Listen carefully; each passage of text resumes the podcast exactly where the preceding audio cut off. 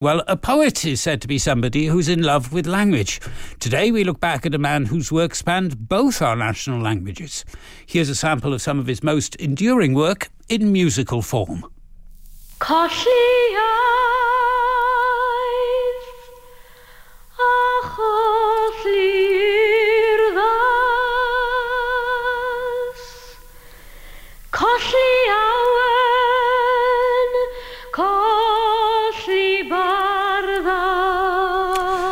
Heather Jones singing Colli Iaith, Losing a Language, written by the poet, wit, and polemicist Harri Webb. This week marks the 100th anniversary of his birth. Now, Harri was an Oxford scholar, a naval officer, very possibly a World War II spy, and he ended up living in a Bohemian Republican commune in Merthyr.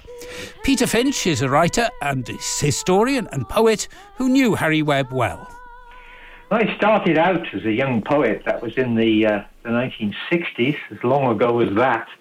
Uh, there were a group of writers known as the Anglo Welsh poets who were top of the tree, and Harri Webb was in the centre of that between um, Glyn Jones and John Tripp, I think, uh, and Roland Mathias. He was one of the poets we were, it seemed, one had to look up to at that time. He'd lived an extraordinary life, hasn't he? He, he was born in Swansea, the first uh, student from his school to go to Oxford, and then all sorts of shady business during the Second World War in intelligence, and then ending up in a sort of nationalist commune in Merthyr. That's right. Yeah, yes, yes. I mean, he was Labour Party originally, but um, Labour Party's view on devolution, as it came to be known, weren't the ones that Harri had. Who was, of course, Harri was a, a Republican at heart. And this sort of commune was a house called Garth Newydd in Merthyr, in the area that um, would once have been known as China. And it was alleged that this house didn't have an owner. And it was eventually repossessed by the council. But for a time, the people like Meic Stephens and Peter Griffiths and Pete Meazey and various others lived there. And it was a heart of republicanism, nationalism, uh, and bohemianism. And it was there was an extraordinary period, wasn't there, in the, in the 1970s, where that Anglo Welsh poetry seemed to be absolutely everywhere. It, there were stage shows, you know, there were peak time television shows, uh, best selling LPs. Uh, you know, it wasn't a sort of a, a, a hobby of the elite. It, it was out there in contemporary Wales. Well, when you were in the middle of it, it still felt a bit elite, I can tell you. But Harri was at the cutting edge of making poetry something that would be accessible to people. And he wanted to appeal to people who were not literary. He wanted to write stuff that the ordinary person could enjoy. So this is why there was that little squib of his called Advice to a Young Poet, which said, Sing for Wales or shut your trap, all the rest's a load of crap um, which was the thing that he, he stood by.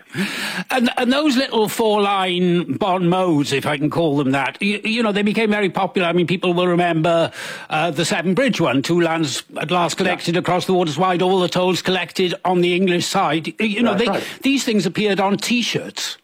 They did. Harri, he rode Two Horses. He did that. He, he wrote popular ballads. He wanted to reinvent the Republican folk song. There was Bob Dylan, um, centerpiece in the uh, wider pop music world, bringing protest singing um, to a wider public. Harri thought that this should reflect Welsh, Welsh values and proceeded to try and write songs, along with Pete Meazey and Meic Stephens, that uh, uh, would fit that bill. He did that on the one side. On the other side, he wrote serious historical poems looking back across our culture and our history, trying to work out why was Ifor Bach um, important, um, what did he do, why was this significant, and he wrote a lot of poems about that as well. So we had the two things going for him.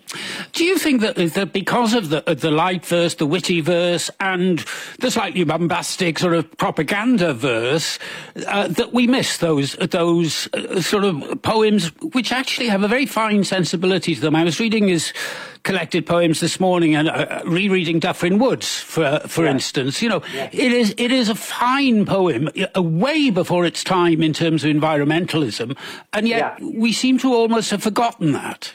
Well, that's what he Harri started off with. Harri wasn't wasn't the great humorist initially. If you read The Green Desert, which was his first um, significant book, um, the Green Desert. I mean, terrific calling the centre of Wales the Green Desert. It really brings it home. Um, the poems in there are by and large um, of a serious bent, or at least there are a high proportion of them that are. And Harri won prizes for this, literary prizes for this. So he was secure in his reputation. This allowed him to be um, as outgoing as he wanted to be with um, the throwaway stuff, which of course was his the throwaway stuff that's still with us. I, I, was amused. Look, I, I, found one little verse in there where he said um, something like the educated classes admire the poems of the Thomases, but they think that Webb is a little bit pleb. Um, are, we, are, we, are, are, we, are we in danger, perhaps, of, of writing him off for being less than he actually was? That actually this man is very important in the history of, of Anglo-Welsh literature. This is this is a, a reasonable a reasonable worry. I mean, the books that have been uh, remained in print since Harri's death tend to be the funny stuff. You know, the um, looking up England's arsehole um, volume of um, uh, folk songs and squibs and uh, pieces of humour. And they're the ones that remain in print, whereas the more solid stuff that comes from the Crown for Branwen period, the Green Desert books, which won prizes, and it's, it's there in the collected poems. Um, you're right. Uh, there's a tendency for that to fade back, but these things always work in cycles. In my in my view, things become significant, they fade away, and then they return. And in Welsh writing and English in Wales at the moment, we seem to have virtually forgotten what Wales is nobody's writing about or using Wales as their backdrop in the way that Harri and his contemporaries were back in the 60s and 70s. But it will come again.